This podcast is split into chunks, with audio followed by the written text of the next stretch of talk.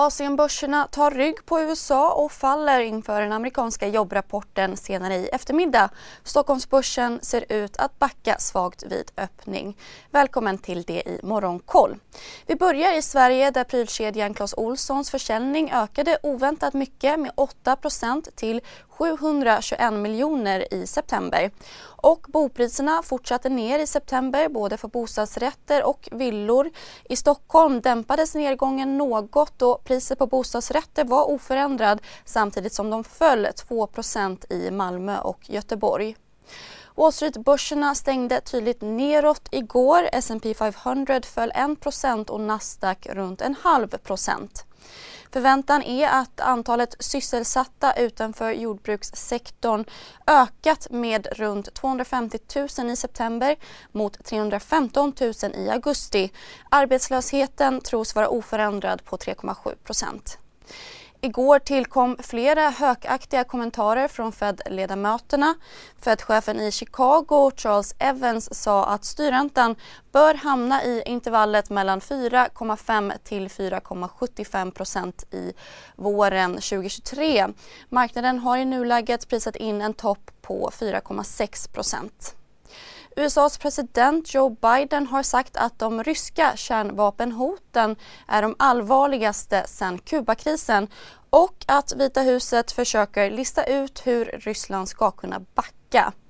Och bland bolagen har chiptillverkaren AMD vinn...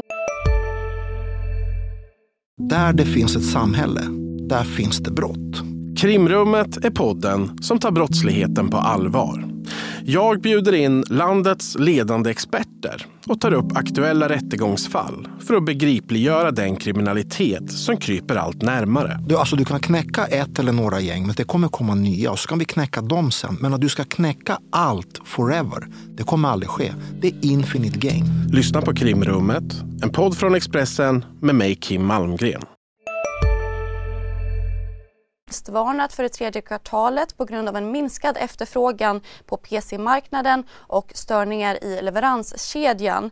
Även techjätten Samsung har redovisat en minskad vinst i sitt tredje kvartal på grund av en mindre efterfrågan på halvledare och det är bolagets första vinstminskning sedan 2019. Vidare föll klädbolaget Levi's 6,5% i efterhanden efter att ha rapporterat i princip i linje med marknadens förväntningar men sänkt helårsprognosen något. Oljebolagen gick starkt. Oljepriset har fortsatt upp efter OPEC plus besked om att minska produktionen. Brentoljan handlas för drygt 94 dollar fatet. Tesla-grundaren Elon Musk meddelar att han vill att rättsprocessen mellan honom och Twitter pausas i väntan på att parterna kommer överens. Enligt honom kan en affär vara klar den 28 oktober. Slutligen Asien där börserna i fastlandskina har hållit helgstängt hela veckan. Hongkongbörsen backar 1,5% och Tokyobörsen närmare 1% Bland bolagen backar Samsung 1,5% efter sin vinstvarning. Techjättarna Tencent och Alibaba backar 2,5% respektive drygt 1 Volvo Cars systerbolag Geely faller 4 Idag håller vi koll på Non-Farm Payrolls som publiceras klockan halv tre i eftermiddag. SAS rapporterar trafiksiffror klockan 11 och så rapporterar även Storytel prenumeranter och streamingintäkter för sitt tredje kvartal under dagen. Mer nyheter hittar ni som vanligt på sajt.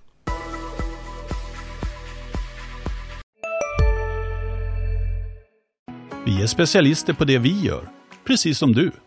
Därför försäkrar vi på Swedea bara småföretag, som ditt.